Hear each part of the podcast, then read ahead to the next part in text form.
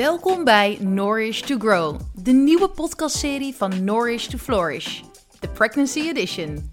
Ik ben Sophie Meurs, orthomoleculair therapeut en in verwachting van ons eerste kindje. Je hoort het al, we gaan het in deze podcastserie hebben over zwangerschap, moederschap en alles wat hierbij komt kijken. Ik neem jullie van week tot week mee in mijn eerste zwangerschap. De mooie, maar ook de minder mooie kanten. Ook mijn gasten zullen jullie een inkijkje geven in hun kennis, visie en ervaring over zwangerschap en het moeder zijn. Ik kan niet wachten om jullie mee te nemen in deze ongelofelijke reis. Luisteren jullie mee?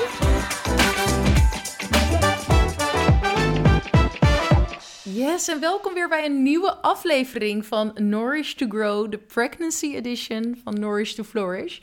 En ja, in deze podcast ga ik jullie dus meenemen in mijn zwangerschap. En vorige aflevering hebben we het gehad over de fase voor mijn zwangerschap en de miskramen die ik heb ervaren. Maar ook hoe wij erachter kwamen dat we zwanger waren. En ehm, ja, dat ik zoveel vertrouwen in mijn lichaam voelde. Dat was zo bizar. Ik voelde gewoon echt vanaf moment één, ja, dit gaat gewoon gebeuren.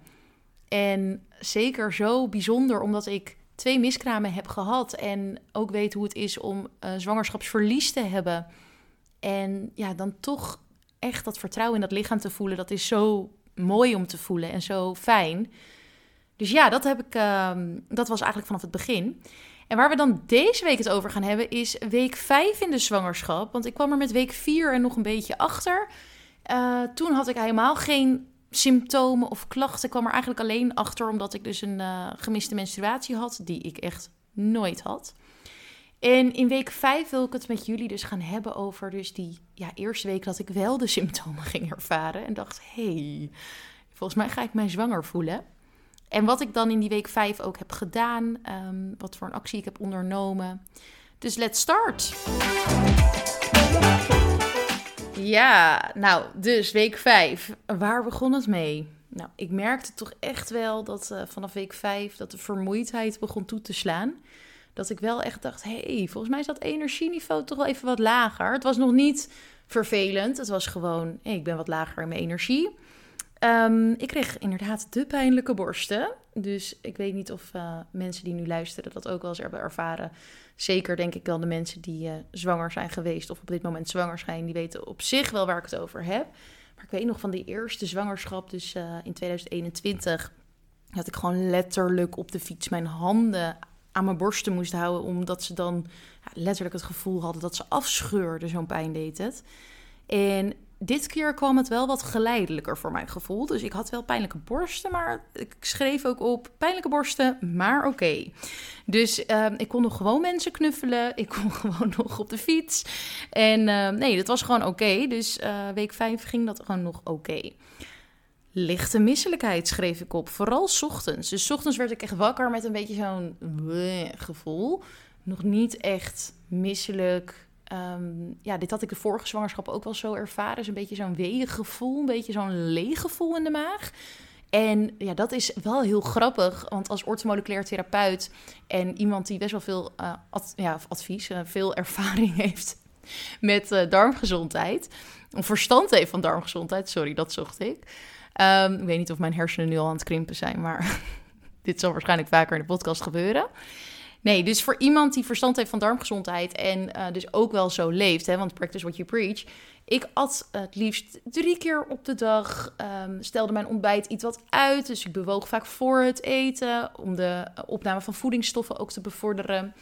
En uh, ja, vaak dus hoog in eiwitten en vetzuren, minder hoog in koolhydraten om de bloedsuikerspiegel goed stabiel te houden. En nou ja, toen was het dus de week vijf en had ik dus inderdaad in de ochtend een beetje zo'n scheurend gevoel in de maag en een zo'n beetje een onprettig gevoel. En nu ja, weet ik natuurlijk uit ervaring en um, uh, met, met klanten dan voornamelijk, met zwangerschapsmisselijkheid, dat ik dacht van ja, dan moet je dus inderdaad wel wat gaan eten.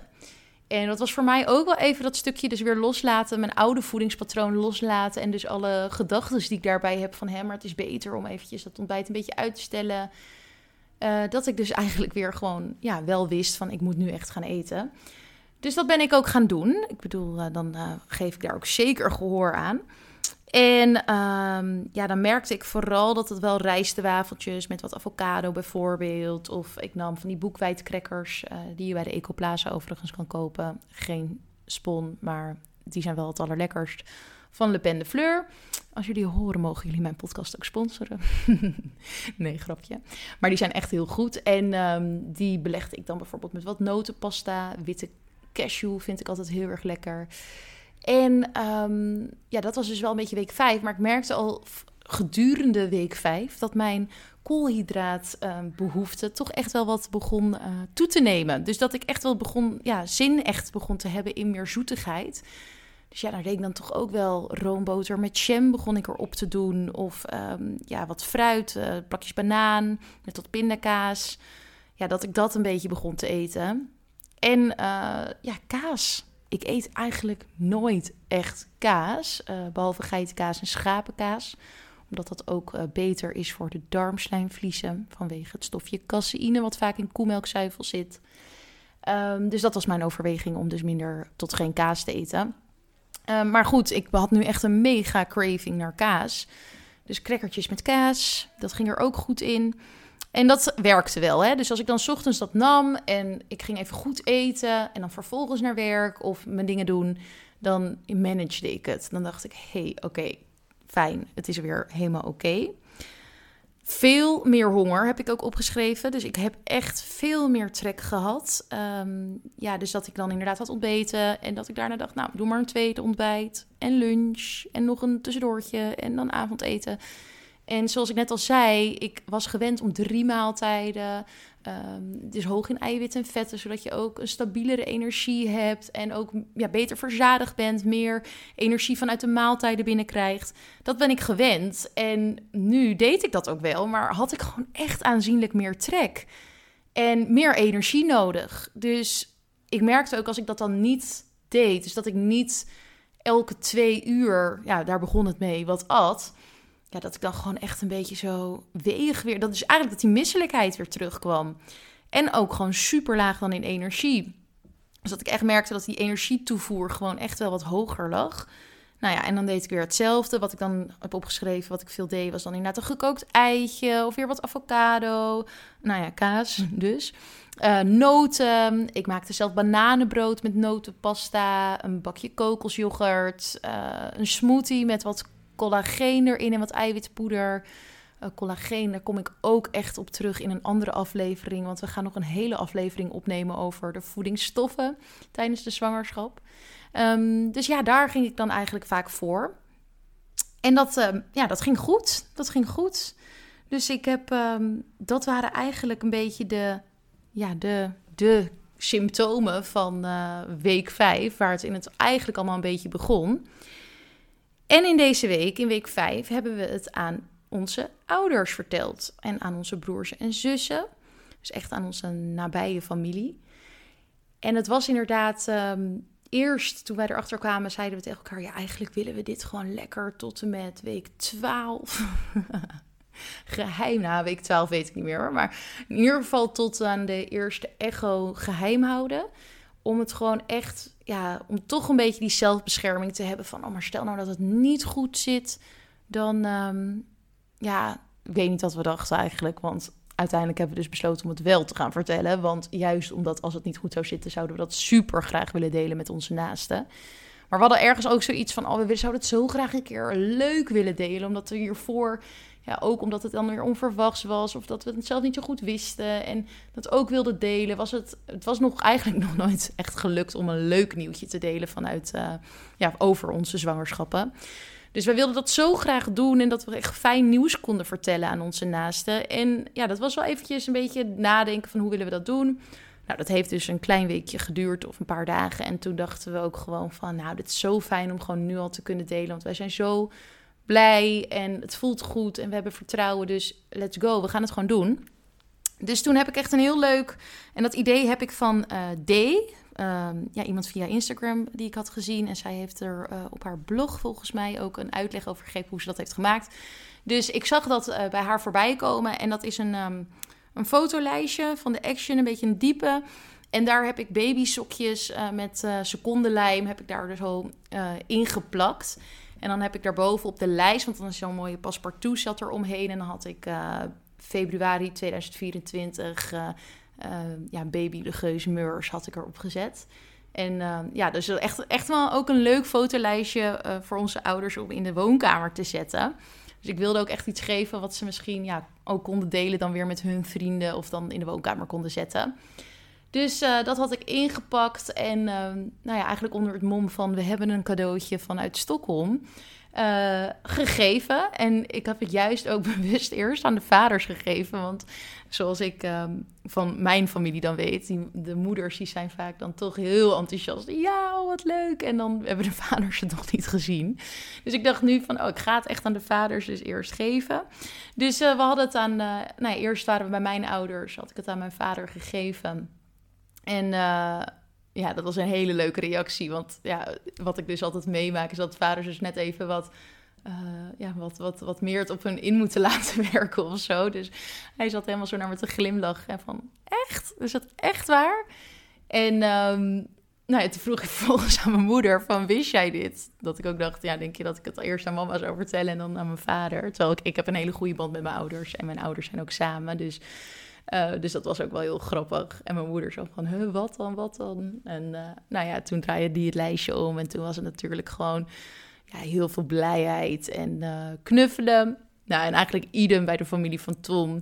Dus ik had het ook aan zijn vader gegeven. En ja, die reacties waren ook zo goud waard. Echt, echt fantastisch. Dus ja, zo hadden we het eigenlijk aan de familie verteld. En um, vervolgens, dat was dan week vijf inderdaad.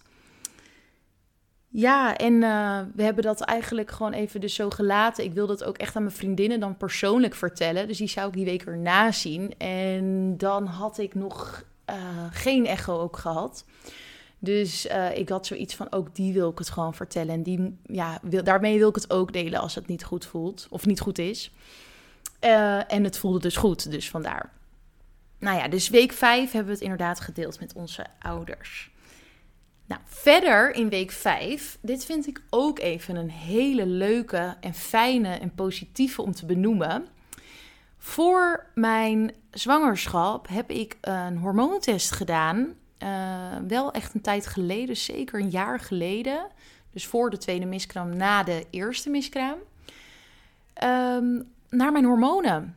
En ik dacht gewoon van, nou, hè, practice what you preach uh, opnieuw. En ik wil zelf inzicht in mijn hormoon. Ik voelde ook na de miskraam dat ik hormonaal echt wel een stukje uit balans was. Ondanks dat ik wel die 28-daagse cyclus had. Uh, ik had dus meer last van echt weer ja, menstruatiekrampen en stemmingswisselingen en laag in energie rondom mijn menstruatie. En dat had ik eigenlijk hiervoor niet meer ervaren sinds ik eigenlijk met mijn gezondheid aan de slag ben geweest. Dus ja, ik vond dat, uh, ik vond het belangrijk om dat toch te testen. Dus nou, in 2022, volgens mij april 2022, heb ik die test gedaan en daar kwam uit een progesterontekort. Nou, dat progesterontekort, ik zal dat even kort samenvatten um, hoe ik dat mijn klant altijd uitleg. Maar uh, je hebt oestrogeen en progesteron en die twee hormonen zijn heel belangrijk in de menstruatiecyclus. Waarbij oestrogeen het eitje doet rijpen. En uiteindelijk zijn er andere hormonen, FSH en LH, die ervoor zorgen dat er één eitje goed rijpt en ook loslaat. Maar onder leiding van oestrogeen moet dat eitje dus rijpen. Um, progesteron zorgt ervoor dat het baarmoederslijmvlies goed uitrijpt. Dus oestrogeen zorgt ervoor dat het baarmoederslijmvlies dik wordt. Het progesteron zorgt ervoor dat het uitrijpt, zodat uiteindelijk het gesprongen eitje, wanneer het bevrucht is, kan nestelen in dat baarmoederslijmvlies. Als er dus ook een tekort is aan progesteron, kan dit baarmoederslijmvlies niet goed uitrijpen en kan zo'n vruchtje dus ook niet goed innestelen. Progesteron noem ik ook wel de Bob Marley van onze hormonen. Nogmaals even een referentie naar mijn vorige podcast uh, seizoen. Daarin kan je dit ook terug horen, want ik heb hier vaker over verteld. Maar goed, progesteron noem ik ook de Bob Marley van onze hormonen. En het is namelijk ons ontspannen hormoon. Het zorgt ervoor ja, dat wij ons fijn en rustig voelen. En dat we rust in ons hoofd hebben en ontspannen darmen hebben. En ja, dat wij gewoon uh, ook relaxed uh, kunnen zijn in die tweede fase van de cyclus. En dus naar die menstruatie toe als er geen bevruchting plaatsvindt. En zodat het baarmoederslijmvlies goed kan uitrijpen, mocht het niet bevrucht zijn, dat eitje. Dat het ook goed kan loslaten en dus niet zorgt voor krampen. Dus die progesteron is heel belangrijk, juist in die tweede fase van die cyclus. Nou, en wat ik dus vaak zie, is dat progesteron geroofd wordt door een te hoog cortisolgehalte in het lichaam. Cortisol is ons stresshormoon. Dus eigenlijk simpel gezegd, wanneer wij meer stress in ons systeem hebben. Dit kan zowel mentaal als fysiek zijn. Hè? Dus denk ook aan uh, laaggradige ontstekingen in de darm. Of uh, voedselintoleranties. Of infectie. Of een immuunsysteem die actief is. Dat kan ook voor stress zorgen in het lichaam. Nou, daarvoor wordt er dus meer cortisol aangemaakt. En cortisol wordt gebouwd uit hetzelfde stofje uh, waar progesteron uit wordt gebouwd, namelijk pregnenolone. Dit zorgt ervoor dat die progesteron dus gebruikt wordt om cortisol aan te maken. En dus dat je progesteron wat lager komt te liggen. Nou, en dat kan op den duur dan weer zorgen voor PMS-achtige klachten, dus premenstrueel syndroomklachten. Maar ook dus voor uh, herhaaldelijke miskramen, vruchtbaarheidsproblemen um, nou ja, en tal van andere klachten. Maar zeker met name uh, bij miskramen zie ik echt daar wel een relatie in. En vind ik het dus ook fijn om uh, dat te testen bij mijn klanten die dus wel eens miskramen hebben ervaren of hormonale klachten hebben, om te weten of dan die progesteron een rol daarin speelt. Hoeft zeker niet altijd, hè, maar in mijn geval uh, bij de klanten die ik begeleid zie ik dat gewoon best wel vaak. Nou ja, dus ik had die test gedaan en bij mij kwam er dus ook een progesteron tekort uit. Nou, dat kon ik heel goed uh, relaten aan hoe ik destijds ook leefde. Hè. Mijn opa en oma waren net overleden. Ik had een miskraam meegemaakt. Ik probeer, ja, mijn bedrijf moest ik uh, staande houden.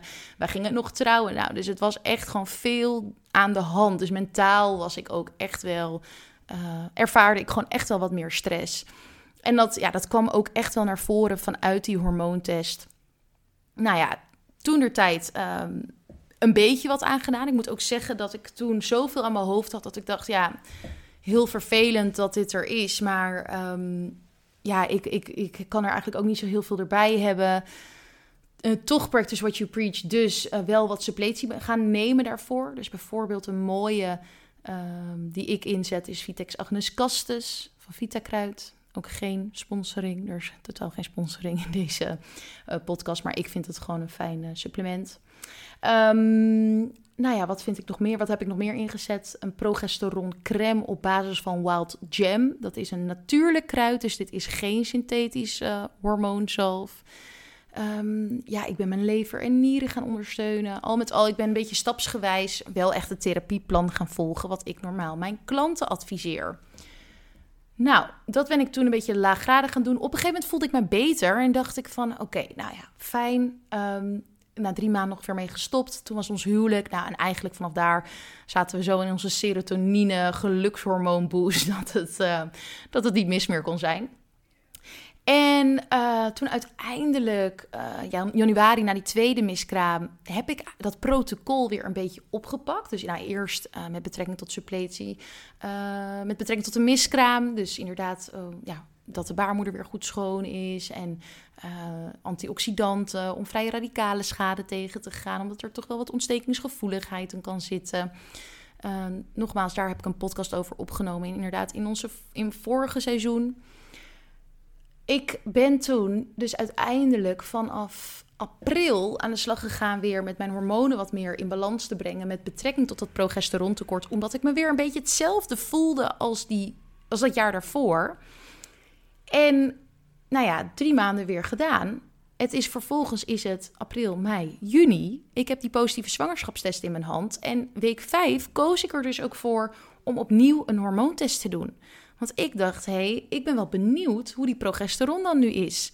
En die zou vanaf ja, ongeveer week 4, nou ja, vanaf de bevruchting, moet progesteron en oestrogeen moeten enorm stijgen. Ongeveer tot week, nou ja, laten we even zeggen 13. Dan uh, is het eigenlijk een soort van ontoereikelijk, gaat die progesteron omhoog en uh, kan dat eigenlijk uh, niet stuk. Hè? Dus dat, dat dak ligt lekker hoog. Um, dus ik ben die hormoontest opnieuw gaan doen. En ik kreeg binnen 10 werkdagen, dus het zal in, een, uh, in week 6, week 7 zijn geweest, dat ik de testuitslagen terugkreeg.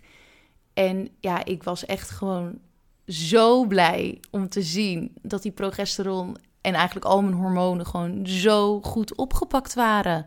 Dat het gewoon zo goed gewerkt heeft. En nou, dat was. Ik heb wel nog inderdaad in het begin, dus ook met die progesteron crème, uh, waar ik het over had, op basis van Wild Jam gesmeerd. Ook omdat het gewoon, dus progesteron zit al heel erg hoog. Dus ik dacht, ja, hè, ik uh, zet dat er gewoon lekker naast. Dus dat is mijn eigen ervaring geweest.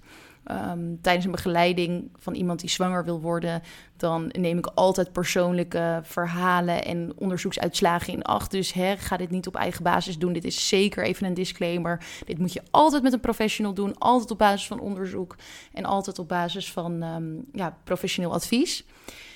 Dus nou ja, dat heb ik gedaan. En het is gewoon zo mooi om dan te zien dat jouw eigen therapie eigenlijk zo mooi werkt en aansluit. En uh, dat er gewoon echt, dat die resultaten gewoon zichtbaar zijn. En dat het dan goed gaat. En dat het vanuit ja, hormonaal onderzoek dan ook te vinden is. En zo heb ik ook een verhaal van een klant wat ik ook fantastisch mooi vind. En ik kreeg van haar ook een geboortekaartje met de tekst uh, erbij geschreven van... Uh, Sophie, dankzij jou ben ik zo'n sterke... Uh, mede dankzij jou ben ik zo'n sterke jongen geworden. En ik dacht, oh mijn god. Maar goed, dat is dus dit verhaal. Deze mevrouw die had ook een zwangerschapswens, ook miskramen gehad. Of een miskraam gehad. En zij heeft die hormoontest gedaan om dus uiteindelijk te kijken van... Hé, wat is nu dan de status? En in die maand dat wij die hormoontest doen, is zij dus zwanger geraakt. Dus ik kreeg die test terug op de dag dat zij mij mailde van... hey, ik ben zwanger, ehm, daar zou je rekening mee moeten houden als je de hormoontest terugkrijgt. En vervolgens krijg ik dus die test terug en is er progesteron dus mega laag. Dus dat kan een indicatie zijn, dat hoeft niet. Het kan een indicatie zijn van dat er dus inderdaad uh, dat het vruchtje niet goed kan innestelen en niet goed kan blijven zitten. En dat het eventueel dus weer op een miskraam zou kunnen uitkomen. Dus ik ben met haar ook aan de slag gegaan met bepaalde kruiden en dus um, die crème. En zij heeft gewoon een hele goede zwangerschap gehad. Dus ja, kijk, weet je, dat is ook van, hè, is dat uiteindelijk dan wel of niet die progesteron geweest? Maar het heeft uiteindelijk goed uitgepakt. En ja, ik zie hier gewoon mega vaak een, uh, een, eenzelfde verloop in. Dus ja, ik ben gewoon mega blij dat ik dat gedaan heb. En uh, dat ik die testresultaten positief terugkreeg. En dat ik gewoon uh, ja, lekker kon stoppen met al die cremmetjes en dingetjes. zodat ik gewoon lekker kon gaan genieten van de zwangerschap. Dus dat was week 5. Ja, een enerverende week eigenlijk ook. Ondanks dat de symptomen eigenlijk best wel meevielen ja, gewoon een hele prettige, positieve, blije week. Ik wil jullie weer bedanken voor het luisteren en uh, tot de volgende week. Leuk dat je geluisterd hebt naar de Nourish to Grow, de Pregnancy Edition van Nourish to Flourish. Mocht je nou meer willen horen, abonneer je dan op deze podcast. Mocht je het echt super leuk vinden, dan zou je mij er enorm mee helpen om deze podcast 5 sterren te geven en te beoordelen. Als je contact met mij wil, iets wil vragen of iets wil delen, stuur mij dan gerust een berichtje via Instagram at Mijn naam is Sophie Meurs en ik wens jou een hele fijne week toe. Tot de volgende keer.